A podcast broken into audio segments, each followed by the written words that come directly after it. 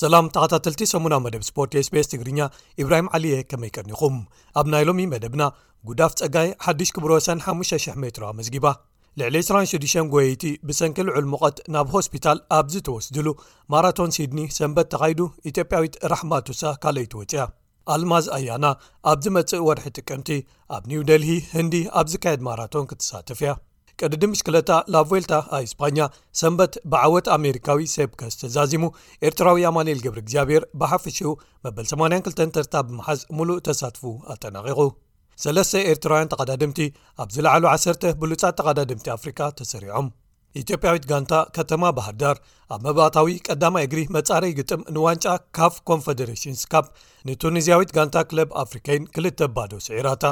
ኣብ ግጥማት ኩዕሶ እግሪ ፕሪምየር ሊግ ዓዲ እንግሊዝ ብብራይተን ኣብ ሜዳ 3 ብ1 ዝተሳዕረት ማንቸስተር ዩናይትድ ኣብ ቅልውላው ተሸሚማ ዝብሉ ገለ ትሕሶታት ንምልከቶም እዮም ሰናይ ምክትታል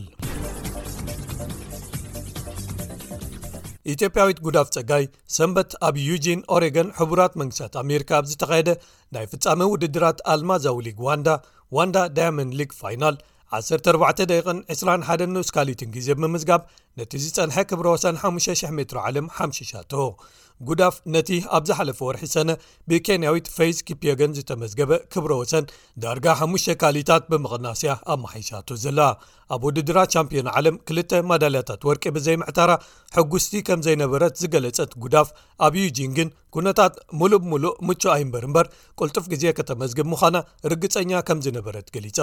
ኬንያዊት ቢትሪስ ጀበት ካለይቲ ክትወፅ እንከላ ካልእ ኢትዮጵያዊት እጅጋዮ ታየ ሳልሰይቲ ኣትያ ኢትዮጵያዊ ዮሚፍ ከጀልቻ ግን ኣብ ውድድር 3000 ሜትሮ ብኖርወጃዊ ጃኮብ ኢንገብሪክሰን ብሓደ ካልእ ጥራይ ተበሊፁ ካልኣይ ብምውፃእ ብሩር መዳልያ ዓቲሩ ኣብ ውድድር 3000 ሜትሮ መሰናኽል ኬንያዊ ሳይመን ኪፕሮፕ ኮወች ክዕወት እንከሎ ኢትዮጵያዊ ሳሙኤል ፍሬው ካልይ ወፅኡ ኣብ ውድድር 1500 ሜትሮ ደቂ ኣንስትዮ ከኣ ኬንያዊት ፈይስ ኪፕዮገን ተዓዋቲት ክትከውን እንከላ ኢትዮጵያዊት ድሪቤ ወልተጂ ንብሪጣናዊት ሎውራ ሚዩር ቀዲማ ካልይቲ ወፅኣ ብካልእ ወገን ውድድር ጉያግሪ ማራቶን ሲድኒ ሰንበት ተኻይዱ ብዓወት ኣሜሪካዊት ቤትሲ ሳይና ብደቂ ኣንስትዮ ብዓወት ሞሮካዊ ዑስማኒ ኤልጎምሪ ኸኣ ብደቂ ተባዕትዮ ተዛዚሙ ኣብዚ ኣብ ኣትለቲክስ ዓለም ብደረጃ ፕላቲኖም ዝስራዕ ውድድር መንገዲ በትሲ ነቲ ሙሉእ ርሕቀት ብ2ሰ264 ካሊትን ኣብ ዝሸፈነትሉ ኢትዮጵያዊት ራሕማቱሳ 6ዱሽ ካሊታት ጥራይ ድሒራ ካልይቲ ወፅኣ ደቂ ሃገራ በቀለጭ ቦረጃን ሄቨን ሃይሉ ደሴን ሓምሸይትን ሻብዐይትን ክወፃ ክኢለን ብወገን ደቂ ተባዕትዮ ኸኣ ኢትዮጵያን ጌታንህ ሞላን ልመነ ጌታቸውን ሳልሳይን ራብዓይን ክወፁ ክኢሎም ኣብዚ ልዕሊ 17000 ጎየይቲ ዝተሳትፎ ውራይ ልዕሊ 25 ሰባት ብሰንኪቲ ኣብቲ መዓልቲ ዝነበረ ዘይንቡር ሓያል ምቐት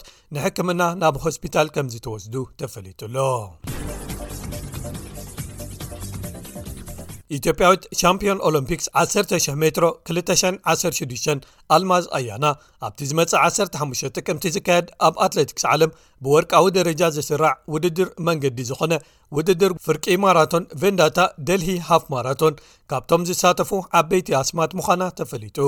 ኣልማዝ ተዕዋቲት ውድድር 5,00 ሜትሮ ኣብ 215 ውድድር 1,00 ሜትሮ ኸ ኣብ 217 ኮይና ንፈለማ ግዜያ ኣብ ኒው ደልሂ ኣብ ዝተወዳደረትሉ 1 ሰዓትን 7 ደቂቕን 12 ካሊትን ግዜ ኣመዝጊባ ተዓዊታ እያ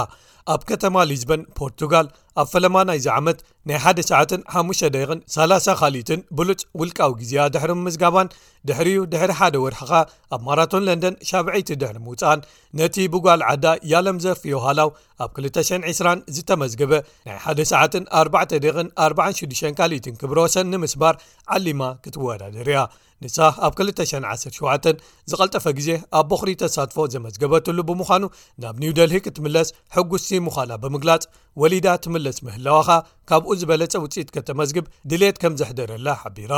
ኣልማዝ ካብ 22 ዓመት ዝዕድሚያ ካልእ ኢትዮጵያዊት ቤተልሄም ኣፈ ንጉስን ዳዊት ስዩምን ኬንያዊት ቫዮላ ቸፒንጎኖን ኡጋንዳዊት ስቴላ ቸሳንግን ሓያል ምፍኽኻር ከጋጥማ ምዃኑ መርበብ ሓበሬታ ኣትለቲክስ ዓለም ኣስፊሩ ብወገን ደቂ ተባዕትዮ ኬንያዊ ዳንኤል ኢበንዮ ኢትዮጵያውያን ገመቹ ዲዳ ተስፋሁን ኣካል ነውን ቦኪ ዲሪባን ከምኡ እውን ኤርትራዊ ሳምሶን ኣማረን ሓያላት ተቐናቐንቲ ኮይኖም ክቐርቡ ምዃኖም እቲ መርበብ ሓበሬታ ወሲኹ ኣስፊሩ። መበል 67 ቅድዲ ምሽክለታ ዙር ስሎቫክያ ዝሓለፈ ሰሙን ተኻይዱ ብዓወት ፈረንሳዊ ኣባል ጋንታ ሶዳል ኩክስቴፕ ረሚ ካቫኛ ተዛዚሙ ኢትዮጵያዊ ኣባል ጋንታ ካኻሩራል ሴጉሮስ ኣድዚኤ ሙሉእ ክንፈ ሃይለ ሚካኤል ኣብዚ ሓሙሽ መድረኻት ዝነበርዎ ሰንበት ዝተዛዘመ ቅድድም ኣብ ቀዳማይ መድረኽ ዝድነቕ ካልኣይ ድሕሪ ምውፁ ኣብ ምዝዛም ናይቲ ቅድድም ብሓፈሽኡ ራብዓይ ደረጃ ሒዙ ተሳትፍኡ ዛዚሙ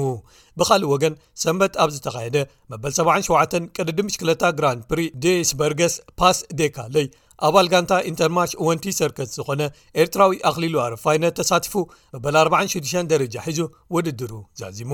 እዚ ከምዚ ኢሉ እንከሎ ኣብዚ ቀረባ ግዜ ኣብ ዝወፀ ተርታ ተቀዳድምቲ ዓለምለኸ ሕብረት ቀድዲ ምሽክለታ ዙር ኣፍሪቃ ወይ ዩሲኣይ ኣፍሪካ ቱር ሰለስተ ኤርትራውያን ተቐዳድምቲ ኣብ ዝለዓሉ ዓሰርተ ቦታታት ተሰሪዖም ሄኖክ ሙሉብራን ንቢንያም ግርማይ ብውህሉል ነጥቢ ብቕሩብ በሊፁ ኣብ ኣፍሪቃ ኣብ ቀዳማይ ተርታ ክስራዕ እንከሎ ናትናዮ ተስፋፅንካ ኣብ ሻሻይ ተርታ ከም ዝተሰርዐ ተፈሊጡ ኣሎ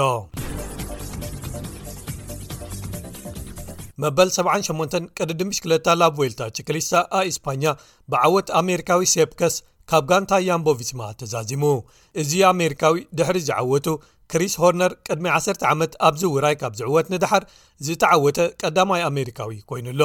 ኣብ ከተማ ማድሪድ ኣብ ዝተኻየደ ናይ መወዳእታ መድረኽ መዛዘሚ ቅድድም ኣካል ናይታ ሽዱሽተ ተቐዳድምቲ ዝነበርዋ ሞሊቓ ከይዳ ዝዋዕለት ጉጅለ ዝነበረ ኣውስትራልያዊ ከደን ግሩፍ ዝተዓዊቱ ሳልሳይ መድረኻዊ ዓወቱ ኣብዝውራይ ኣመዝጊቡ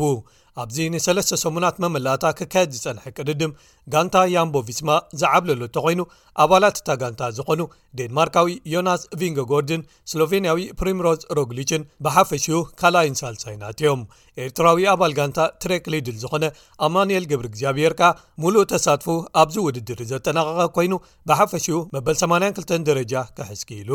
ኢትዮጵያዊ ኣባል ጋንታ ቲም ጀይኮ ኣሉላ ወላይ ሓጎስ በርሀ ዘዕግብ ምንቅስቓስ ድሕሪ ምርኣዩ ክሳብ መድረኽ 15 ጥራይ ክሳተፍ ክኢሉ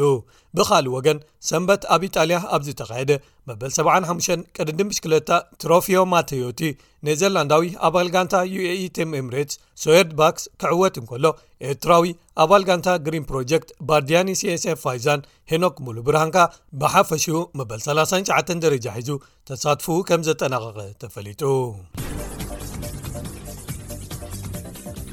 ኣብ ዜናታት ኩዕሶ እግርኻ ኢትዮጵያዊት ጋንታ ባህርዳር ከተማ ኣብ መባእታዊ ቀዳማ እግሪ መጻረይ ግጥም ንዋንጫ ካፍ ኮንፈደሬሽንስ ካፕ ንቱኒዝያዊት ጋንታ ክለብ ኣፍሪካይን ክልተ ባዶ ስዒራታ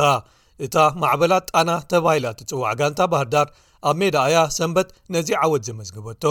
ኣትከዓይ ሃብታሙ ታደሰ ነተን ዝዐወታ ክልተ ሽቶታት ኣመዝጊብወን ካልኣይ እግሪ ግጥም ናይዚ መጻረዪ ድሕሪ ሒደት መዓልታት ኣብ ቱኒዝያ ክካየድ እዩ ብድምር ዝበለጸ ውፅኢት ዘመዝገበት ጋንታ ካብ ክልትዮን ከኣ ናብ ምድባዊ ግጥማት ናይዚ ዋንጫ ኮንፈደሬሽንስ ካብ ኮንፈደሬሽን ኩዕሶ እግሪ ኣፍሪቃ ክትሓልፍ ምዃና ተፈሊጡ ኣሎ ኣብ መወዳታ ኸኣ ኣብ ግጥማት ኩዕሶ እግሪ ፕሪምየር ሊግ ዓዲ እንግሊዝ ማንቸስተር ዩናይትድ ስዕረት ድሕሪ ስዕረት ኣብ ዘጋጥማ ዘሎ እዋን ኣብ ቀልውላው ኣትያ ተባሂላ ትግልጽ ኣላ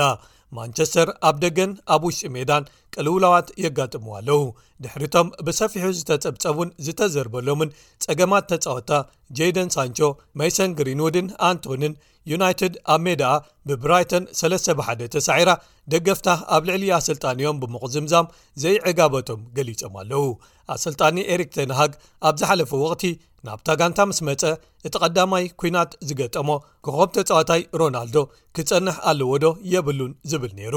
ኣብቲ ኩናት ከኣ ንሮናልዶ ካብታ ጋንታ ክወፅእ ከም ዘለዎ ብምግባር ኣብ ልዕሊዩ ዓወት ኣመዝጊቡ ጥራይ ዘይኮነ ንደገፍቲ እውን ከሲብዎም ነይሩ እዩ ኣብዚ ኣንጻር ብራይተን ዝተኻየደ ናይ ቀዳም ግጥም ግን ነቲ ባዕሉ ጠሊቡ ብ72 ሚልዮን ፓውንድ ክመጽእ ዝገበሮ ኔዘርላንዳዊ ኣጥቃዓይ ራስመስ ሆይላንድ ብፈረንሳዊ ኣጥቃዓይ ኣንቶኒ ማርሻል ክቕይሮ እንከሎ ግን ደገፍቲ ማንቸስተር ብፋፃን ጫውጫውታን ሸዲዶሞ እታ ጋንታ ምስ ኣርሴናልን ቶተንሃምን ወሲኽካ ምስ ሰለሰ ኣብ ዝለዓሉ ተርታታት ዝርከቡ ጋንታታት ገጢማ ስዕረት ብምስካማ ኣብቲ ክሳብ እዚ ቀረባ እዋናት ተዛማዲ ደገፍ ዝጸንሖ ኣሰልጣኒ ተንሃግ ሓፈሻዊ ተቃውሞ ዘጋጥሞ ዘሎ ይመስል እቲ ስዕረት ዝያዳ መሪር ዝገበሮ ማንቸስተር ዩናይትድ 347 ሚልዮን ፓውንድ ዝዋግኦም ተጻዋቲ ሒዛ በታ 20 ሚልዮን ፓውንድ ዝዋግኦም ተጻዋቲ ዘሰለፈት ብራይተን ብምዃኑ ክሳብ ሽዱሽተ ዝኾኑ ቀወምቲ ተጻዋታ ከተሰልፍ ዘይከኣለትን ባዕላ ዩናይትድ ቀደም ኣይበቅዕን ኢላ ዝሸጠቶ ተጻዋታይ ዳኒ ዌልቤክ ተመሊሱ ሽቶ ከመዝግበላ ምኽኣሉን ነይሩ እዚ ውጽኢት ዝኸበደ ስዕረት ኣብ ሜድኣ ንዩናይትድ ብምዃኑ ኣብ ልዕሊ ኣሰልጣኒ ኤሪክ ተንሃግ ጸቕጢ ክልዕል ገይሩ ኣሎ ብዙሓት ተዓዘብቲ ገና ግጥም ከይተወደ ካብ ሜዳ ክወፁ ዝተራይሉ ነይሩ ገለ ደገፍትን ተንተንትን ከኣ ሓደ ዓመት ኣሰልጣኒ ኤሪክ ተንሃግ ድሕሪ ምምፁ እታ ጋንታ ንድሕሪት ትኸይድ ኣላ ዝብል ግምት ይህቡ ኣለዉ ዝመጽእ ግጥም ማንቸስተር ዩናይትድ ኣንጻር ባየርን ሙኒክ ኣብ ግጥማ ቻምፕንስ ሊግ ብምዃኑ ከኣ ንደገፍቲ እታ ጋንታ ኣብ ዝለዓለ ሸቐልቀል የእትዎም ከም ዘሎ ጸብጻባት የመልክቱ ብኻልእ ወገን ሻምፕዮን ማንቸስተር ሲቲ ዓወታታ ብምቕጻል ንዌስትሃም ኣብ ለንደን 3 ብ1 ስዒራታ ኖርወጃዊ ኣጥቃዓይ ኤርሊንግ ሃላንድ ነታ ሳልሰይቲ ሽቶ ዘመዝገበ ነይሩ ሊቨርፑል መሓመድ ሳላሕ ሰለስተ ሽቶታት ዝተመዝገባ ኩዓሳሱ ኣቐቢሉ ንወልቨርሃምቶን ወንደረስ ሰለስተ ብሓደ ስዒራታ ሰለስተ ተኸታተልቲ ስዕረታት ዘጋጠማ ጋንቱ ንኣሌክሳንደር ይስቅ ኒውካስትል ዩናይትድ ብወገና ንብሬንፈርድ ብጸቢብ ሓደ ባዶ ብምስዓራ ኣብ ልዕሊ ኣሰልጣንያ ኤዲሃው ክልዓል ዝጀመረ ሕቶታት ብመጠኑ ክድቅጽ ገይራ ኣላ ነታ ዘዕወተቶም ሽቶ ኸኣ ካለም ዊልሰን ኣመዝጊብዋ ብወገን እታ ኣውስትራልያዊ ኣሰልጣኒ ኣንጭ ፖስኮግሉ ዝኣልያ ጋንታ ቶተናሞትስፐር ብራዚላዊ ኣጥቃዓይ ሪቻርድ ሊሰን ተቐይሩ ብምእታው ኣብ ተወሳኺ ግዜ ክልተ ሽቶታት ክምዝግባ ብምሕጋዙ ክልተ ብሓደ ኣብ ልዕሊ ሸፊልድ ዩናይትድ ክትዕወት ክኢላ ኣላ ቸልሲ ኣንጻር ቦርንሞት ገጢማ ብዘይ ሽቶ ማዕረ ክትፈላለ ከላ ፉልሃም ንሉተንታውን ሓደ ባዶ ስዒራታ ኣሶም ቪላ ንክሪስታል ፓላስ ብገፊሕ ሰለሰሓደ ከተፋንዋ ከላ ኣርሴናል ሕጂ እውን ማራኺ ዘይኮነ ጸወታ ኣርያ ንኤቨርተን ሓደ ባዶ ብምስዓር ክሳብ ሕጂ ካብተን ስዕረት ዘየጋጠመን ዘለዋ ጋንታታት ብምዃን ትቕጽል ኣላ እዚ ጸቢብ ዓወት ኣርሴናል ኣብ ልዕሊ ኤቨርተን፣ ገዲም ኣሰልጣኒ ኣርሴን ቨንገር ካብታ ጋንታ ካብ ዝኸይድ ንደሓር ኣብ ሜዳ ጉዲሰን ፓርክ ናይ ፈለማያ ምዃኑ እዩ። ኣብ ምዝዛም ናይዚ ሰሙን እምበኣር ማንቸስተር ሲቲ ሕጂ'ውን ዝለዓለ ተርታ ኣብ ሰሌዳ ጋንታታት ፕሪምየር ሊግ ክትሕዝ እንከላ ቶተንሃም፣ ሊቨርፑል፣ ኣርሴናልን ብራይተንን ከኣ በዚ ቅደም ተኸተል ድሕሪኣ ተሰሪዐን ከም ዝርከባ ተፈለዩቱ ኣሎ ክቡራት ሰማዕትና ንሎሚ ተዳልዩ ዝነበረ ሰሙና መደብ ስፖርት ስፔስ ትግርኛ ኣብዚ ይፍፀም ኣብዚ መፅእ ሰሙን ብካልኦ ትሕሶታት ክሳብ ንራኸብ ሰላም